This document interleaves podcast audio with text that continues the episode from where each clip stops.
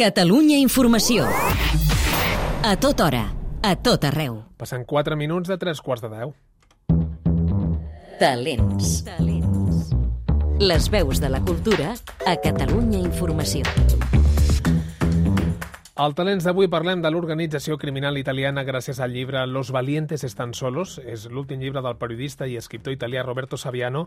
L'autor, entre d'altres, és molt coneguda, Gomorra, una investigació sobre la màfia italiana que des de fa gairebé 20 anys l'obliga a portar escorta. Montse Camps, Montse, molt bon dia. Bon dia. Anagrama publica aquesta novel·la de Saviano que és una reconstrucció de la vida de Giovanni Falcone. Recordem-ho, és el jutge que va voler desmantellar la Cosa Nostra i que va a- acabar assassinat al costat de la seva dona. Eh? Sí, va ser el 1992, el seu cotxe va volar pels aires a l'autopista que porta a Palerm des de l'aeroport. Van morir ell, la seva dona i tres escortes. Van acabar així amb un lluitador, diu Saviano, que va tenir el valor de plantar cara a l'organització criminal italiana. È un uomo, sempre Falcone, che ha cambiato la storia del mondo. Perché Era un home, Falcone, que va canviar la història del món perquè va demostrar que el crim organitzat és capitalisme criminal. No són bandes, lladres, assassins. És organització econòmica, moral i militar. I ho va demostrar. Ara, si tenim investigacions a Madrid, Los Angeles, Roma o Manila sobre crim organitzat, ho devem a Falcone. I ho podem comparar a Fleming. Són homes que han permès mirar el món d'una altra manera, transformar-lo. Per això el van matar, perquè el seu cap havia de deixar de pensar. continuare a pensare. Va ser el capó de la màfia, en Totorrina, que va ser qui va donar l'ordre de matar-lo perquè veien en ell un autèntic enemic que va orquestrar tot un macrojudici contra ells. Un home que tothom, diu Saviano, va lluar una vegada mort, però que en vida va rebre moltes crítiques sempre sota sospita. Ed è la storia di un uomo sistematicamente, sistematicamente... És la història d'un home sistemàticament derrotat, sempre derrotat, e i acceptat només en el moment de la seva mort. És una dinàmica típica italiana, potser humana. Només després de morts arriben els elogis. En vida rep l'enveja, el menyspreu i la sospita. En el seu cas, la sospita i l'enveja el van portar a l'aïllament i a la mort. Giovanni Falcone mort, assassinat per la, per la màfia. De fet, el seu col·lega Paolo Borsellino, eh, que era col·lega, era amic, va ser assassinat també dos mesos més tard.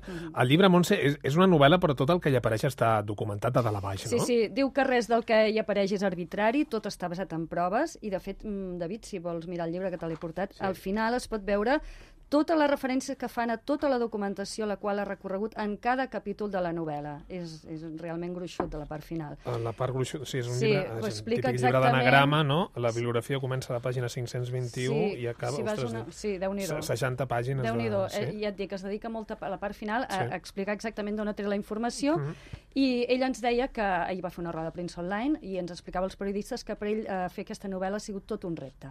Questo romanzo è la prova più... Aquesta novel·la és la prova més difícil a la qual m'he hagut d'enfrontar. Narrar una de les ments més brillants que ha plantat cara al crim organitzat. Ho he volgut fer a través d'una novel·la perquè, a diferència de l'assaig, em permetia entrar dins, explicar sentiments, emocions, construir diàlegs. L'he fet també en bibliografia. No hi ha res d'arbitrari ni opcions fantàstiques en la seva reconstrucció. Tot està basat en proves o en hipòtesis que deriven d'una prova o un indici. Una prova. És un gran coneixedor de la màfia italiana, dels seus tentacles, i explica que Itàlia, ho diu així, és un país amb vocació fa, eh, mafiosa. Des dels anys 80 explica la seva relació, la de la màfia amb l'Estat, ha canviat i ja no l'ataca directament. Le mafie hanno cambiato strategia. Les màfies han canviat la seva estratègia obligades també per la lluita antimàfia de la societat civil.